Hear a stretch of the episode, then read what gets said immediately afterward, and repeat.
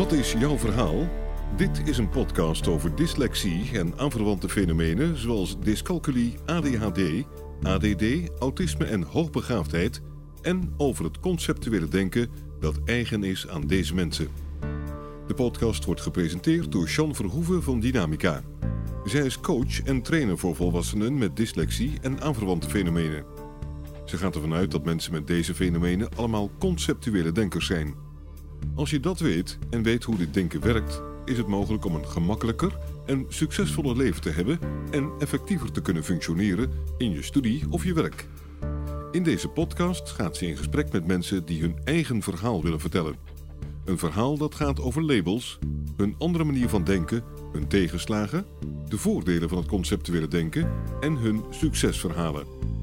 Jean Verhoeven spreekt uit eigen ervaring. Ze heeft zelf dyscalculie, dyslexie en ADHD. Welkom bij de podcast van vandaag. Mijn naam is Gertrudie Boersen. Ik ben trainer en coach bij Dynamica. En ik ga met Jean Verhoeven in gesprek over het onderwerp hooggevoeligheid. Ja, om maar met de deur in huis te vallen. Hooggevoeligheid. Iedereen is gevoelig, laat ik het zo zeggen. Iedereen kan voelen.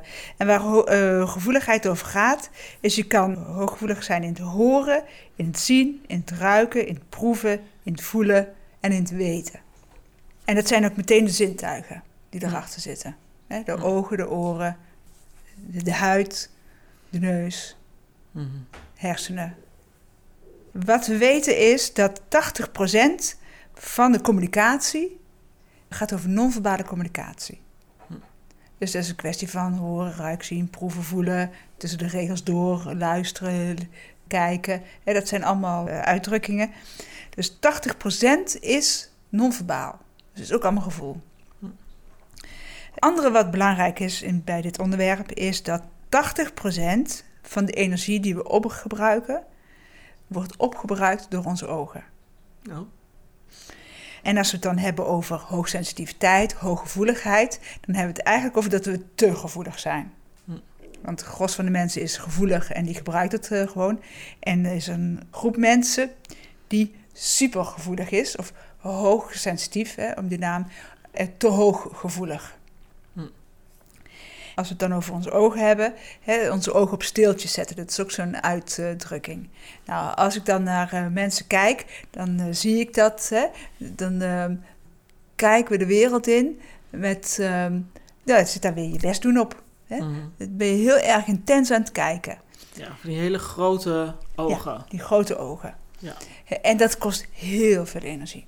Hm. En, en wat is die hooggevoeligheid is ook wat we doen. Het, het is informatie opnemen. Hm. Het is letterlijk, hè, gevoeligheid, hooggevoeligheid is informatie opnemen. En als ik het dan over mijn, onze doelgroep heb, hè, dat we te gevoelig eh, zijn, is dat we te veel bezig zijn, ons best doen aan het zijn om informatie op te nemen. Mhm. En het komt vanuit dat we te bang zijn om iets te missen. Maar zeg je daarmee dan eigenlijk ook dat de term hooggevoeligheid eigenlijk betekent dat je te gevoelig bent? Dat je te veel doet? Ja, ja Per definitie. is. Hoe komt het dan dat heel veel conceptueel denkers dan inderdaad zo hooggevoelig zijn? Dat er een trauma onder zit. Mhm. En trauma betekent dat je dus oplettend wordt. Mhm. En een trauma kan misbruik zijn. Hè? Dan hebben we het over een heftig trauma. Maar als we dan naar onze doelgroep kijken en het over het conceptueel denken hebben. Wat er met ons gebeurt is dat we met dat beelddenken, het associatief denken, het snelle denken, dat we niet in het schoolsysteem passen. Hm. Heel veel klanten zeggen ook, hè, van, ik heb me altijd anders gevoeld. Mhm. Ik heb me niet gehoord, gezien, ge- eh, gevoeld, maar ik heb me ook altijd anders gevoeld. Alsof ik de enigste was die Ja. anders was. Ja. Dat anders zijn is ook dat je merkt als je op school komt, dat de, de, de meesten om je heen, eh, de juf legt iets uit of de leraar legt iets uit en dus ze geven het goede antwoord en ze krijgen het compliment van de, van de docent. Mhm. En je ziet dat en je ruikt, proeft, voelt dat of iemand een compliment krijgt of niet. Mhm. En je voelt, ruikt, ziet, proeft ook of jij datzelfde compliment krijgt of niet. Mhm. Ook al kan je niet praten, hè, want als baby's kunnen we dat als, al voelen. Ook al kunnen we niet praten, ook al weet je eigenlijk nog niet waar het over gaat. Je voelt dat het bij jou net even anders werkt dan bij het gros. De Hm. meeste. Hm. Want we zitten natuurlijk nooit alleen in de klas als conceptueel denkers. Zo voelt het wel heel vaak. Hm. Maar je voelt het dat je niet dat compliment krijgt wat de rest krijgt. Dan ga je aan het denken, dan ga je aan het twijfelen, dan ga je aan het werk. En dan ga je checken. Wat doet die dan? Wat doet die dan? Wat verwacht ze dan? Dan ga je opletten. En dan doe je, je ziet mij hè, bewegen vanuit mijn schouders gaan dan eh, overeind staan. Dan kan ik achter me voelen, eh, voor me voelen. Ik, dan ga je de boel in de gaten houden. Hm. En als je daar niet op gecorrigeerd wordt, als dat niet uitgelegd wordt, Mhm. ja, dan blijft dat doorgaan. Hm. Ja, en dat maakt dat we, nou, en zeker de eerste twintig jaren, tot je twintigste, zitten we vaak op school, ben je dat aan het doen. Al die sensoren zijn verbonden met ons zenuwstelsel, dus dat betekent dat ons zenuwstelsel helemaal uitstaat. Nou, en zo ga je dan het leven in. Hm. En vervolgens kom je in het werk of later weer allemaal dingen tegen, constant, want het gaat altijd door, waardoor het zenuwstelsel open blijft staan en alleen maar meer en meer overprikkeld raakt. Ja. ja. Dus dan zeg je eigenlijk ook alle conceptuele denkers zijn mensen die hooggevoelig zijn. Ja, ja, Want in principe hebben alle, bijna alle conceptueel denkers hebben wel een soort van trauma wat dat betreft op school. En niet inpassen, eh, minder complimenten krijgen, meer eh, kritiek krijgen, meer negatieve feedback krijgen. ja ze zijn, we zijn allemaal ons best aan het doen. Ja, het niet passen in het schoolsysteem kan je haast soort van trauma eh, zien. Hoe werkt het dan bij ernstiger trauma's volgens jou? Hoe ernstiger het trauma, hoe meer je oplettend bent, hoe, meer je, hoe, hoe sensitiever je wordt. Ja, Ja, ja, want dan hoor ik weer iemand hè, zo in mijn hoofd eh, zeggen: Ja, maar ik voel helemaal niks. Dit kan het natuurlijk ook uitschakelen, maar dan ben je ook nog eens je best aan het doen, komen dat je voelt. Dus Ja. we zijn constant hard aan het werk. Dat laatste wat je zei, dat herken ik wel heel sterk bij mezelf. Ik heb als kind nou, ja, eh, een ernstig trauma meegemaakt. Mijn broertje is overleden toen ik zes was, ehm, waar ik bij was. Dus ik heb altijd van mezelf gezegd van ik ben niet hooggevoelig. Ja. Omdat ik, ik herkende me daar totaal niet in. Maar dat komt ook omdat ik altijd... Ja, ik heb gewoon een- vanaf dat moment, vanaf mijn zesde jaar, heb ik gewoon een muur om mezelf heen gebouwd. Dus dan, dan heb je niet de kans om al die sensoren uit te zetten, want er staat gewoon een muur voor. Ja, maar ondertussen ben je wel keihard aan het werk om die muur overeind te houden. Ja, dat, dat heeft altijd wel heel veel energie gekost. Ja, Ja. ja. dus ook daarin zit dat harde werken. En, en dat is wel een mooi voorbeeld, want jij zegt altijd, die ben ik niet. En dan zeg ik altijd, ben je wel. Want je, en dan haal je ook altijd aan, ja, maar niet zo erg als die. Het is ook iets menselijks, hè? dat spiegelen, kijken naar wie er om je Ja. heen wat eh, Ja. kan. Dat is ook onze overleving. Ik bedoel, Ja, We gebruiken het ergens voor. Ja. Maar hè, hooggevoelig wordt, dan ben je zo. Of dan doe je zo. Ook Ja. daarin, hè, als, als, Ja, als conceptueel denkers zijn we niet allemaal hetzelfde. nee, Ze zijn allemaal verschillend. Als lijndenkers, er is geen lijndenker hetzelfde. Nee. Er is geen hooggevoelige hetzelfde. Er is geen vrouw hetzelfde. Er is geen man hetzelfde. Nou, en dat is heel belangrijk. Maar dat is natuurlijk wel wat, we, wat het makkelijk maakt om het maar te bedenken dat iedereen hetzelfde is. Maar dat is niet zo. nee. En wat in ieder geval voor mij altijd een verwarring is geweest, is dat als je het hoog, hooggevoeligheid hebt, dan, dan gaat het over het voelen van dingen. En, en er zijn, ik ken natuurlijk wel genoeg mensen die daar heel sterk in zijn, die, die van alles voelen. En dan Ja. denk ik van ja, maar dat ben ik, ben ik in ieder geval niet. Eh, jij hebt dat ook veel sterker dan ik, dat je, dat je van alles voelt. Maar als je dan al die andere sensoren erbij haalt, eh, het zien, het horen, het ruiken, het proeven, het, het weten, een stuk intuïtie, eh, Ja. wat Ja. vaak ook wel weer een combinatie is van het een en het ander. En je gaat dat er allemaal bij scharen, dan, ja, dan, dan herken ik me er alweer veel meer in. Want dan, ik weet soms dingen die anderen niet weten. Of in een coachgesprek, dan, dan stel ik een vraag vanuit van... Goh, dat zou wel eens daar mee samen kunnen hangen. En dan is hij gewoon puntgaaf raak. Ja. En heb je niet van tevoren bedacht dat je Heb dat ik, gaat... nee, eh, heb ik niet van tevoren bedacht. nee. En bij de volgende tien klanten eh, laat je die vraag wel achterwege. Ja, Ja. stel ik die vraag echt niet zo. Ja. ja. En dat is echt die gevoeligheid. Ja, ja. Dus het heeft natuurlijk ook heel veel positieve kanten in die zin. Het heeft absoluut positieve kanten. Ja, En we, want we kennen ook allemaal eh, de collega of de leidinggevende die echt niet voelt, aanvoelt wat er moet gebeuren of wat nu belangrijk is. ja, En die het niet heeft of die het, het te weinig heeft. Want we kunnen het natuurlijk ook te weinig hebben. En ik zeg iedereen, we voelen, want anders kunnen we niet leven. Ja. Dat. En de ene is daar beter in dan de ander. En de een gaat daar een beetje te ver in eh, dan een ander. Mhm. En een ander kan het veel beter gebruiken, hè, balanceren. We hebben die gevoeligheid natuurlijk allemaal. Ja, De kunst om, als je dan inderdaad hooggevoelig bent, wat jij eigenlijk benoemt als te, maar om in ieder geval ook die hooggevoeligheid dan weer zo Ja. aan te kunnen wenden dat je daar in ieder geval constructief iets mee kan. ja. Ja. In plaats van alleen maar Ja. bezig bent met overleven. Want dat is natuurlijk ook, het is iets wat dan ontstaan is eigenlijk, te gevoelig worden, als overlevingsmechanisme. Dat je gewoon hè, goed aanvoelt van veilig, ben ik hier niet veilig? Ja. Wat kan ik doen om ehm, veiliger te geraken? Werkt dit, werkt dat, werkt dat? Ja. En dat je dat continu afstemt, omdat je dus eigenlijk onveilig bent. En in dat afstemmen, als je daar, hè, als je je onveilig voelt, in de breedste zin van het woord, dan pik je alles op en laat je ook alles binnenkomen. En dat, wat hooggevoeligheid is ook dat je al die zintuigen openzet Ja. en dan komt al die rottigheid van heel de wereld komt binnen bij je. Ja, dus Ja. dat je, en dan, ja, dan neem je al die energie van anderen waar, gewaar, maar die neem je ook met je mee. ja, En dat is heel ongezond. ja. Wat doe jij met je klanten daarin? Die hooggevoeligheid benoemen, dat kan ook zo'n vies woord zijn. Hè? Dat is weer zo'n modeverschijnsel. Dyslexie is ook zo'n modeverschijnsel. ADHD is zo'n modeverschijnsel. Dit is geen modeverschijnsel. En ja, we worden steeds gevoeliger, want er zitten gewoon heel veel trauma's in ons mens zijn. Hm. Begin ik hè, met een oefening, dan zeg ik ga staan in verhouding hè, tot hoe intelligent je bent. Nou, Hm. dan krijg ik de mooiste capriolen en eh, hè, dan gebeurt er van alles bij mensen. Want mag je dat wel zeggen, ben ik dat wel? En dat soort dingen hè, gebeurt hier veel. Dan zie je ze vanuit dat hoofd kijken, ruiken, proeven, voelen. Laat ik ze benoemen wat er in het hoofd gebeurt, wat ze allemaal aan het doen zijn. Mhm. Zodat ze van zichzelf horen ze bezig, hoe hard ze aan het werk zijn. En vervolgens zeg ik, bedenk dat je aan het voetballen bent en dat je scoort. Nou, hup, dan staan ze. Hup, dan is ze en die ogen, die gaan dan eh, anders staan. En vervolgens zie je dat ze afdalen in een bekken. Ja. Want je kan niet tegen een bal aanschoppen vanuit gestrekte bekken, eh, vanuit gestrekte knieën. Dan ga je het meteen, hè, ga je die bek in een goede stand en in ontspannen knieën staan. Hm. Nou, en dan zeg ik, nou, dit is staan in verhouding tot hoe intelligent je bent. Ik zeg, en hoe is het nou in je hoofd? Nou, nou is het rustig. Ik zeg, hoe is het nou weer met je ogen? Ja, dat is wat rustiger. En dan, ik zeg, hoe is het met je concentratie? Ja, ik heb gewoon concentratie. Dus als je staat in, als het oké is wie je bent, want daar gaat het over, dan stop je met het harde werken.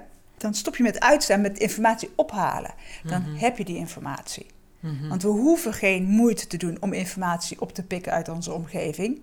En dan heb ik het weer over die 80%. Hè? Dan krijg je die informatie binnen. Mhm. Ja, Mhm. En dan gaat het over bewustzijn. Dus dan zeg je eigenlijk ook als iemand gewoon goed geaard staat, gewoon met zijn voet op de grond, eh, dat het oké is dat je eh, in, in de flow die je hebt, die je eigenlijk hebt op, op momenten waar, waarop je iets doet waar je goed in bent. Ja. Hè, daaraan terugdenkend eventueel. Als je dat hebt, dan is het eigenlijk al genoeg. Dan komt er al veel minder binnen. En dat je dat weet, dat je dat in huis hebt. Ja, Dat dat niet buiten je ligt, maar in je zit. ja, Want we zoeken het vaak buiten ons. ja. En waar het over gaat, en dan zeg ik, bedenk de hele dag dat je aan het voetballen bent. Als je moet gaan schrijven, wat gebeurt er? Het voetballen doen we wel en die aardingsoefeningen doen we en de yoga doen we. En mediteren doen we. En vervolgens moeten we schrijven en dan we het allemaal los, want dat is iets anders. Nee, bedenk dat je aan het voetballen bent en dan daarvanuit ga je schrijven. ja. Dus vanuit, ja, ik weet hoe ik die bal moet schoppen. ja. Ik weet dat ik het kan. Nou, vanuit dat ga je schrijven, waardoor je minder bezig bent met wat er allemaal moet.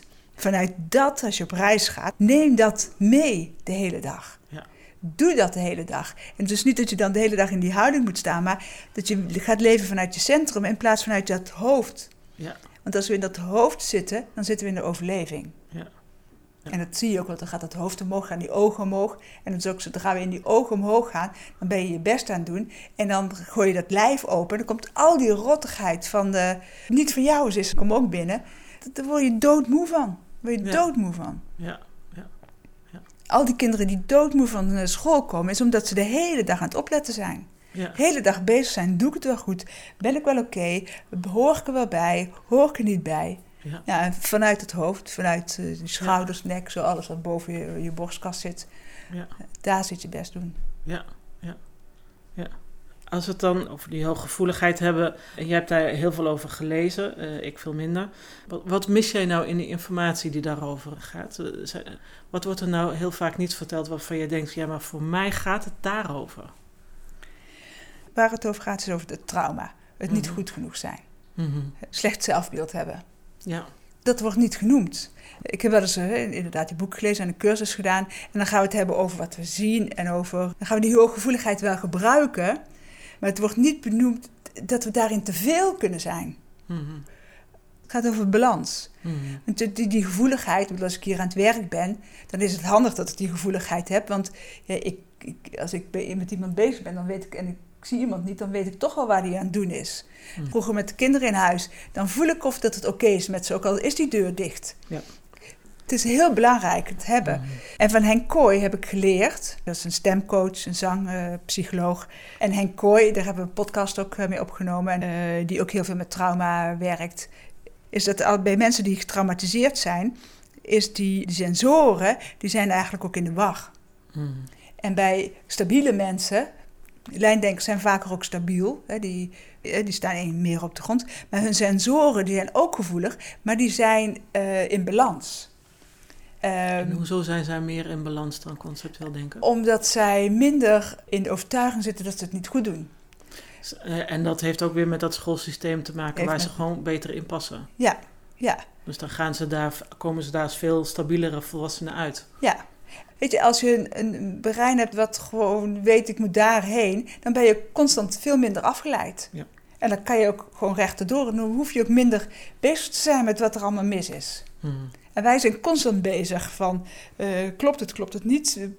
Ligt het aan mij, ligt het aan die ander? Hmm. We zijn, en dat zie je ook aan, mensen. De een is constant bezig en die ander is er gewoon. Ja, ja. Um, dan hoor je heel vaak uh, mensen die, hoog, die hooggevoelig zijn en sommige mensen die, dat, die ook daarin nog een soort van overtreffende trappen hebben. Van daar moet je heel voorzichtig mee zijn. Oh ja. wat, wat vind jij daar nou van? Je kan niet van de omgeving verwachten dat iedereen rekening houdt met jou. Hmm. Plus dat je dan, als we voorzichtig gaan zijn met mensen, dan leer je daar ook nooit ja, eigenlijk verantwoordelijkheid in nemen. Hmm. En eigenlijk uh, dan gaat het over verantwoordelijkheid nemen in, in wie je bent en in jouw harde werken. Hmm. Kijk, het is mijn verantwoordelijkheid dat, dat ik mijn werk kan doen. Het is mijn verantwoordelijkheid. En zo gaat het ook over hooggevoeligheid. Uh, het is de verantwoordelijkheid dat jij je kan uh, bewegen in een samenleving. Dus het is van belang dat je daar bewustzijn op krijgt. Ja. ja. En het is van belang dat je daarin leert, één, dat er niks mis mee is, maar dat je wel te hard aan het werk bent. Ja. En dat je in die overleving zit en dat die ergens vandaan komt. Ja. ja. En ook al weet je niet waar die vandaan komt, maar dat je aan de slag gaat met leert die sensoren intrekken. Ja. Niet af te kappen, maar in te trekken. Ja, ja. Dus is daar nog een relatie met autisme in? Want bij mensen met autisme wordt ook heel vaak gezegd hè, dat er zoveel informatie binnenkomt. Eigenlijk kan jij dan ook zeggen dat mensen met autisme ook wel heel erg hooggevoelig zijn. Ja, ja. Ja, dat is zeker. En in de wetenschap, ik hoorde laatst een wetenschapper ook in een podcast vertellen. Uh, die had ook een eigen, zelf een kind met uh, autisme, dus daar is hij echt goed naar gaan kijken. En die zegt ook, het is gewoon constant overprikkeld. En dan denk ik, hè, hè? Want het is heel vaak wordt gezegd, mensen met autisme die zijn niet gevoelig of die, kunnen niet, die voelen niet. Nee, ze zijn overprikkeld en daar moet je je wel afsluiten. Hè? Wat je, mooi wat jij zei met die muur. Je moet je wel afsluiten. Maar het is wel heel moeilijk om die muur constant uh, vol te houden. Hm. En de een lukt het weer beter dan de ander. Maar uh, zodra ik ontspannen ben, vergeet ik mijn muur op te zetten. Mhm. Dus dan komt het allemaal weer binnen en dan ik ontplof dan. Hè. Ja. Een ander die raakt in paniek en de derde die uh, trekt zich terug en de vierde, nou zo doen we allemaal wat. Maar bij autisme is het dat het, ook die zijn constant bezig om, zitten in de overleving, zitten echt helemaal in de overleving. En zijn constant bezig om alles weg te duwen. Hm. Ja, en als je aan het wegduwen bent, onder andere, hè, dan kan je het niet voelen. Hm. En dat is ook wel interessant.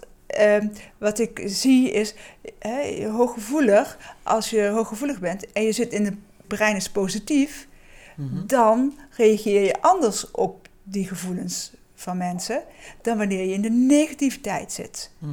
Want je pikt het, die gevoelens uit je omgeving pik je op vanuit hoe je het in je brein is, hoe jij gesteld bent. Mhm. Dus als ik eh, een slechte dag heb en ik, dan pik ik veel gemakkelijker, dan ga ik veel gemakkelijker spiegelen of het, dan ga ik er veel gemakkelijker iets opleggen wat een ander doet. Mhm. Of je hebt er een oordeel op, of je Ja, gaat misschien ook veel meer in de angst eh, zitten. Ja, ja, Wat een kutwereld is dit toch? Ja. Mag je misschien... Ja. zo niet zeggen, maar dat doe ik toch. Ja. Ehm, dus dan, inderdaad, dus je zet er dat oordeel op. En als je geen oordeel in je hoofd hebt, kan je het veel makkelijker beetpakken. En dan kan je zo- zo'n bal vangen, noem ik dat, die informatie, hè, kan je zien als bal. En dan kan je hem terugwerpen. Ja. In plaats van bal vangen en hem terugsmijten. Hè? Mhm. En eh, die agressie, wat ik, ik noem het altijd, hè, ik kan vrij, ik, kon, ik doe het steeds minder gelukkig ook, maar ik kan vrij goed ontploffen. En dan vang ik die bal van jou en dan smijt ik hem terug en het liefst recht in je gezicht. Hm. Hoeveel ik ook van je hou. Hè? Maar dat is een eerste reactie, want je bent jezelf aan het beschermen.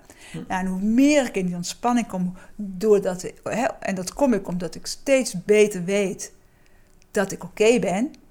Hm. Want het is makkelijker zeggen dan het echt voelen. Hè? Hoe- Des te minder raak ik ondersteboven van alles wat er om me heen gebeurt. En kan ik, het, eh, kan ik daarin in balans blijven. In, eh, een mooi voorbeeld. Ik gaf een lezing, alweer jaren geleden. Zit een man in de zaal, kijkt lelijk. En ik zie die twintig eh, gelukkige gezi- gezichten en één ontevreden gezicht. En ik denk, oh, ik doe het niet goed. Oh, hij zal het wel niks vinden. Oh, er zal wel een lijn denken zijn. Oh, hij zal wel niks vinden. Oh, zal... Ik richt me dan op dat, dat lelijke gezicht en niet op twintig anderen. Mhm. Pauze en dan... eh, of dan is de eerste reactie die ik krijg, is van die man. Die zegt, fantastisch, zegt hij. Eén en een half herkenning, nou snap ik mijn vrouw. Ja, ben ik al drie kwartier bezig geweest met dat hij mij niks vindt. Mhm. Nou, hè, dat is die, die hooggevoeligheid ook. Hè. Ik wil eigenlijk bevestiging van zien en wel, ik ben niks. Hm. Ik wil ook bevestiging hoe goed ik ben, maar daar luister ik nooit naar. Nou kan ik dus steeds beter om die in ontvangst te nemen. Maar het liefst kijk ik naar, wil ik horen dat ik het niet goed doe. Ja. En, dan, hè, en dat is de bevestiging van mijn eigen gedachten. Hoe meer ik, nou, door al het werk wat we doen en zeker ook dat innerlijk kindwerk, Mhm. daardoor voel ik me, hoe minder negatief ik ben, hoe beter ik op de grond sta. En je zei een soort of, hè, de school is een soort of trauma, het is een trauma. Het is een Mhm. trauma op intellectueel niveau. Mhm. Autisme is een trauma op intellectueel niveau. Leg dat eens uit bij autisme. Ehm, je krijgt de opleiding niet die je nodig hebt. Op het ene stuk ben je niet goed. Mhm. En je moet eerst, je moet sociaal zijn voordat je goed onderwijs krijgt. Je moet kunnen zeggen, je moet die dictées kunnen maken, je moet opstellen kunnen maken voordat je, hè, je moet kunnen schrijven, je moet je kunnen uiten voordat je door mag naar ander onderwijs. Mhm. Ja, mensen met autisme, mensen, veel conceptueel denkers, vinden het moeilijk om te zeggen, het uit te drukken. Heel veel onderwijs, wiskunde, natuurkunde, scheikunde, Engels, al, dat is allemaal hè, vervolg. Dat wordt je ontzegd omdat je niet op dat niveau naar school mag. Omdat je die basis van communicatie, van ta- dus taal, niet krijgt. Mhm. Nou, en dat is intellectuele eigenlijk mishandeling, Mhm. een intellectuele tekortkoming. Nou, dan Mhm. kan je niet. En ben je constant bezig met te ontwikkelen daar waar je niet goed in bent. Mhm. Ja, dat is zeer traumatisch. Ja. Ja. Zeer traumatisch. Ja. Ja. En als jij een klant in ruimte hebt die inderdaad autisme heeft en die ook aangeeft van ja, het zijn allemaal zoveel prikkels. Doe je daar dan ook nog hetzelfde mee? Of heb je daar dan nog weer een andere oefening of aanpak in? In feite begin ik dan wel met die houding, omdat ik hem daar mee beter kan pakken. Mhm. Kan ik het laten voelen? Ik, het is belangrijk dat je voelt. Mhm. Het verschil leert dus in je hoofd zitten en in je lijf zitten. Want dat is ook zo'n vage term. Nou, ik laat het je voelen. Mhm. Dan eh, is die vaagheid wel weg. Die harde werken bij orde en time management komt dat eh, weer terug. Dat, die gebruik ik vaak ook. Mhm. En dan ga ik ook tegenwoordig wat eh, sneller in het innerlijk kindwerk. Mhm. Zodat je met dat trauma aan de slag gaat. Ja. Dat het oké is dat je het een niet kan en het ander wel. En Ja. dat je echt te weinig onderwijs hebt gehad. Ja. En dat je echt niet gezien bent. En dat je echt heel normaal bent. En dat er meer als jij eh, zijn. Ja. En dat het niet jouw schuld is. Hè? Wat hier vaak ook... eh, Ja. Ja. Dus de overtuiging dat jij niet oké bent om die eruit te werken. Ja. En die is niet met één behandeling eh, klaar. Een ander punt over hooggevoeligheid. Uh, wij, zien dat, dat veel conceptueel denkers ook vaak wel een of andere vorm van verslaving hebben. Zelf heb ik dat op het eten heel sterk. Anderen hebben dat weer op drinken of blowen of ja. verslavingen en hooggevoeligheid. Hoe hangt dat volgens jou samen? Als je de hele dag zoveel informatie binnenkrijgt waar, de, waar je doodziek van kan worden, hè? alles opnemen, dan ga je jezelf beschermen en dan ga je je ongevoelig maken. Ja. Als je eet, dan word je ongevoelig, want dat, dat is ook een muur opzetten. Is ook, is ook letterlijk eigenlijk je lichaam wat groter maken, een, een, soort van ja, vet, vetlaag creëren. Dus dan ben je een soort harnas aan het bouwen in je lichaam. Ik ben me daar wel van bewust. Ik kan het nog niet zomaar omkeren, maar eh, het werkt wel zo. Ja. En dan moet ik ook denken, om dat maar af te maken, is ik krijg hier ook hè, nogal stevige mannen en die zeggen nee, ik ben niet gevoelig. En dan zeg ik nee, dat denk je maar. Dus dan uh, noem ik wat voorbeelden van, uh, uh, of je stapt ochtends in je auto. Hoe snel weet je dan al wat er dat mis gaat lopen op je werk? Oh ja, meteen. En dat klopt altijd. Ik zeg, dat is die gevoeligheid. Ja. Je wil het niet voelen, want je kan er ook niks mee. Dan ga je dat wegstoppen door drugs, door eten, door roken, door, uh, door drinken. Nou, wat, wat, ik zelf heel graag doe, is ik kan helemaal niet tegen koffie. En ik word er echt doodmoe van. Maar als ik dan op zaterdag vrij ben, doe ik niks liever dan beginnen met een kop koffie. Want dan zak ik in en dan hoef ik de hele dag niks meer. Maar dan kan ik ook al die de activiteiten, de hyperactiviteit, maar ook de, mijn gevoelens uitschakelen. Mm maar ik mag lekker op zaterdag een kop koffie. Hè? Zo. Maar ook daarin zit een uh, verslaving. Überhaupt suiker. Hè? Mm. Eén, je wordt er gevoeliger van. En twee, je kan het ook onderdrukken. Dus het is ook waardoor het systeem nog meer in de wacht komt. Mm. En dat is met al die drugs uh, en, en, en suiker is drugs. Hè?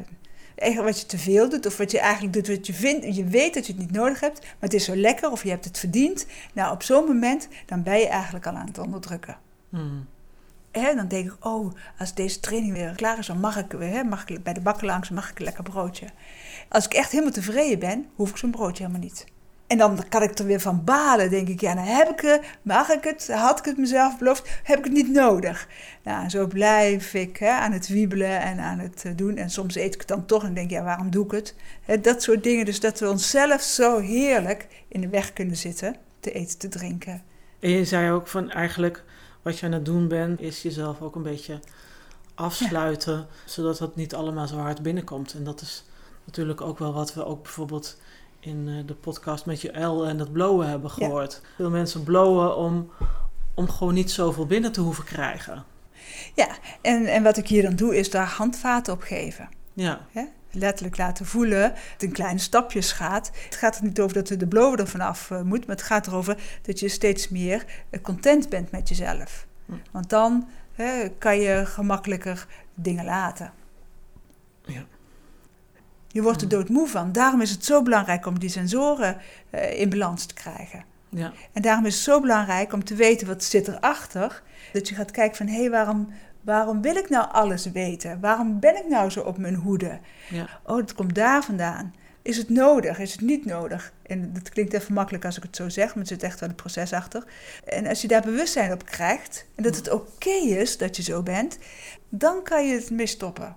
Maar als het niet oké is, of het moet meer of minder, of het is fantastisch, het mag ook, maar ik word er doodmoe van als ik te veel opneem, dan kun je die sensoren wat meer intrekken ja. inzetten wanneer je ze nodig hebt. Mhm. Dan kan je ze gebruiken op jouw tijd in plaats van dat het je constant overvalt. Ja. Een klant die zei: Nee, ik heb niet die hyperconcentratie. Ik beleef hè, intense beleving van alles. Ik zeg: God, dus straks uh, vertel je nog. Ik kom hier die stad binnenrijden en het komt zo allemaal op me af. Het is hier zo druk, het is hier zo vol. Ik zeg: Weet je, het is, de stad smaakt voor een kwart vol als anders. Ja, maar het is zo intens allemaal. Ik zeg, nou heb je in twee seconden drie keer intens genoemd. Dus je bent dus wel intens bezig. Mm. We weten het ook niet altijd. Mm-hmm. Oh, zei ze. En dan kan ik zeggen, goh, en wanneer doe je dat nog meer? Ga eens ontdekken. En dat hoeft nou niet meteen, maar ga maar eens kijken. Wanneer overweldigt het jou allemaal? Mm. Nou, en dan zetten we die sensoren uit. Mm-hmm. Nou, en als ik hier, ik moet vijf minuten fietsen van huis naar hier. En elke keer, en zeker hoe meer van die elektrische fietsers en zeker joten, stomme brommertjes die hier rijden. En dat soeft langs je heen en ik schrik ervan. Ja. heb ik ook mijn sensoren te veel uitstaan. En ik doe dat automatisch. Ja. En dan scheld ik op die brommer en dan zeg ik, ja weet je Jean, trek ze dan in. Ja. En dat is een proces. En het is lekker om op iemand te schelden en een ander de schuld te geven, maar het is toch echt het werk wat ik te doen heb. Hm. Wil ik het leven gemakkelijker maken voor mezelf? Hm. Want dat gaat er ook over. Ik heb een hele mooie oefening, die heb ik geleerd van Ivan Breuker. Dat is een natuurgenezer eh, die in Noord-Holland werkt. Dat is eigenlijk een oefening waarbij ja, energetisch eigenlijk zeg maar, je, je aura schoonmaakt. Dus in de loop der tijd heb ik wel ontdekt dat hoe verder ik mijn muur afgebroken heb, toch ook wel inderdaad heel gevoelig ben. En dat ik alle mensen waarmee ik ooit gewerkt heb en zoiets, al die informatie ook gewoon opneem. Dat ik soms ook die lasten op me neem. Zeker, ik heb ook zeven jaar als interim manager eh, gewerkt. Nou, aan het eind ervan eh, kon ik gewoon sowieso niet meer slapen. En toch wel heel veel in mijn systeem zitten. In, in mijn gedachten zitten, in mijn lijf zitten. En die oefening van Ivan die zorgt dat er dan ook weer uitgaat. Dus de oefening bestaat uit eh, drie delen. Als je die oefening wil doen, dan zorg je eerst dat je even goed zit op je stoel. Dat je rug recht is. Nou, dat je lekker zit.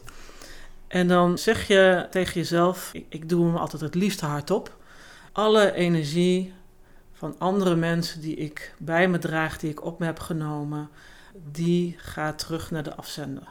En dan maak ik daar ook een, met mijn handen een uitgaande beweging van mijn lichaam uit. Alsof ik het uit mijn lichaam trek, al die energieën naar buiten toe, terug naar de afzender. En de hele tijd blijf je zeggen, terug naar de afzender, terug naar de afzender, terug naar de afzender.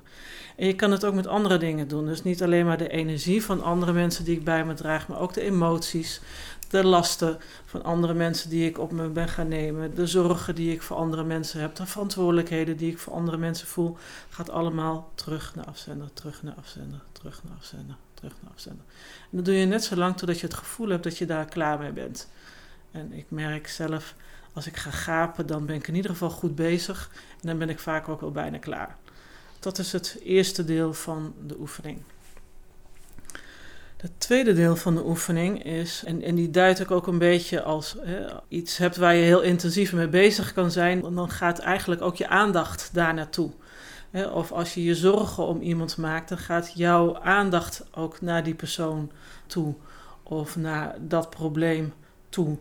Dus het tweede deel van de oefening gaat erover dat je je eigen energie, die elders is, die bij andere mensen is, die bij, op andere plekken is, die bij andere dingen is, dat je die weer terugneemt. En dat je dat ook als een soort van energetisch proces vormgeeft of ziet. Dus dan zeg je tegen jezelf: alle energie van mijzelf, mijn eigen energie, die elders is, die bij andere mensen, bij andere dingen, op andere plekken is, die neem ik weer terug. En wat ik dan vaak doe, is ook dan, dan, dan pluk ik die energie, mijn eigen energie uit de ruimte en die breng ik weer naar mezelf terug. Dus dan doe je eigenlijk de omgekeerde beweging. Die energie haal je terug. Je hele tijd eigen energie terug, eigen energie terug, eigen energie terug.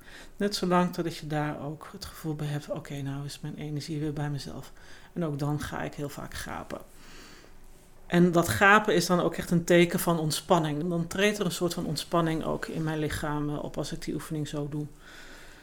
Dus dan heb je de energie van anderen bij je gelaten. Je hebt je eigen energie weer teruggehaald. Uh, en dan is de derde stap dat je je eigen veld eigenlijk zo groot mogelijk maakt. En dat doe je door eerst uh, voor te stellen in jezelf een heel klein lichtje brandt. In je lijf. Vaak op harthoogte is dat het makkelijkst om je dat voor te stellen. Het is een heel klein lichtje. En dat kleine lichtje maak je steeds groter. Dus eerst wordt het de grootte van een knikker, dan een stuiterbal, dan een, de grootte van een tennisbal. En zo breid je dat licht steeds verder uit. Dat het een voetbal wordt, een basketbal. En dan gaat het naar buiten je lichaam, dan wordt het een skippiebal. En wordt het steeds groter, dat het echt de grenzen van je fysieke lichaam overschrijdt, steeds groter wordt. Maar zo groot als voor jou comfortabel uh, is. Maar in ieder geval dat het je hele aura ermee gevuld wordt. Dat uh, sommige mensen denken dat je persoonlijke ruimte misschien nog iets groter is. Dus dat je hele persoonlijke ruimte daarmee gevuld en nog groter. dat daar allemaal licht is. Jouw licht. En dan zeg je tegen jezelf: Dit is mijn licht. Ik ben dat licht. Ik genereer dat licht. En dat doe je elke dag weer. En wat je daarmee eigenlijk doet, is dat je eigen ruimte vullen met jouw licht. En daardoor is dat dan ook weer mogelijk dat al die invloeden van buitenaf, die komen dan ook al veel minder binnen. Want je hebt je eigen veld neergezet. Ja. En dat is iets anders dan al die sensoren die uitstaan. Want die sensoren die zijn continu op zoek. Ja. Die moeten iets, die, die moeten informatie tot zich nemen. Dat hoeft dit veld niet. Dit veld hoeft er alleen maar te zijn. Ja, en waar ik, hè, waar ik dan aan moet denken is dat je dat veld neerzet en dat je zo groot mag zijn. En dat het allemaal van jou is en dat dat oké is en dat dat mag. Zodat je je zelfvertrouwen daarmee voedt, je zijn daarmee voedt. Ja, ja. Dus nou ja, en door jezelf zo licht te maken, als licht te zien, want eigenlijk eh, zijn wij ook gewoon licht. Onze atomen, dat is gewoon pure, pure lichtenergie. Ja. Door je dat in ieder geval zo voor te stellen, daar beeld bij te vormen, eh, dat met je ogen dicht eh, te doen, creëert dat heel veel ruimte in jezelf waarin je gewoon jezelf mag zijn. En persoonlijk doe ik die oefening elke avond, oh vlak voordat ik ga slapen. Dan ben ik leeg, dan hoef ik niks meer. Er zijn al die dingen waar ik me de dag zorgen over heb gemaakt, die zijn dan ook weer weg. Of in ieder geval heb ik mijn eigen, eigen energie daaruit uh, teruggetrokken. Uh, bij mezelf gehaald. En dan hoef ik daar niks meer mee. En dan kan ik gewoon met een leeg hoofd gaan slapen. Nou dat, dat, dat helpt mij in ieder geval heel erg beter gaan slapen. Ja, mooi. Het lijkt me een mooie afsluiting voor deze podcast. Dankjewel. Dankjewel. Wil je reageren op deze podcast of heb je vragen? Stuur dan een mail naar podcast.dynamica.nl. De reacties zullen worden meegenomen in volgende podcasts.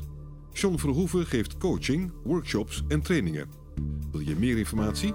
Kijk dan op www.werkendyslexie.nl of www.geniaaloprechts.nl of bel 020 639 1099 020 639 1099. Jean Verhoeven heeft twee boeken geschreven over dyslexie: Slimmer dan je baas en Dyslexie, Stoornis of Intelligentie. Deze boeken zijn te koop in elke boekhandel. Stuur de podcast door naar iedereen waarvan je vindt dat ze meer zouden moeten weten over dyslexie, ADHD, ADD, dyslexie, dyscalculie, autisme en hoogbegaafdheid en het conceptuele denken.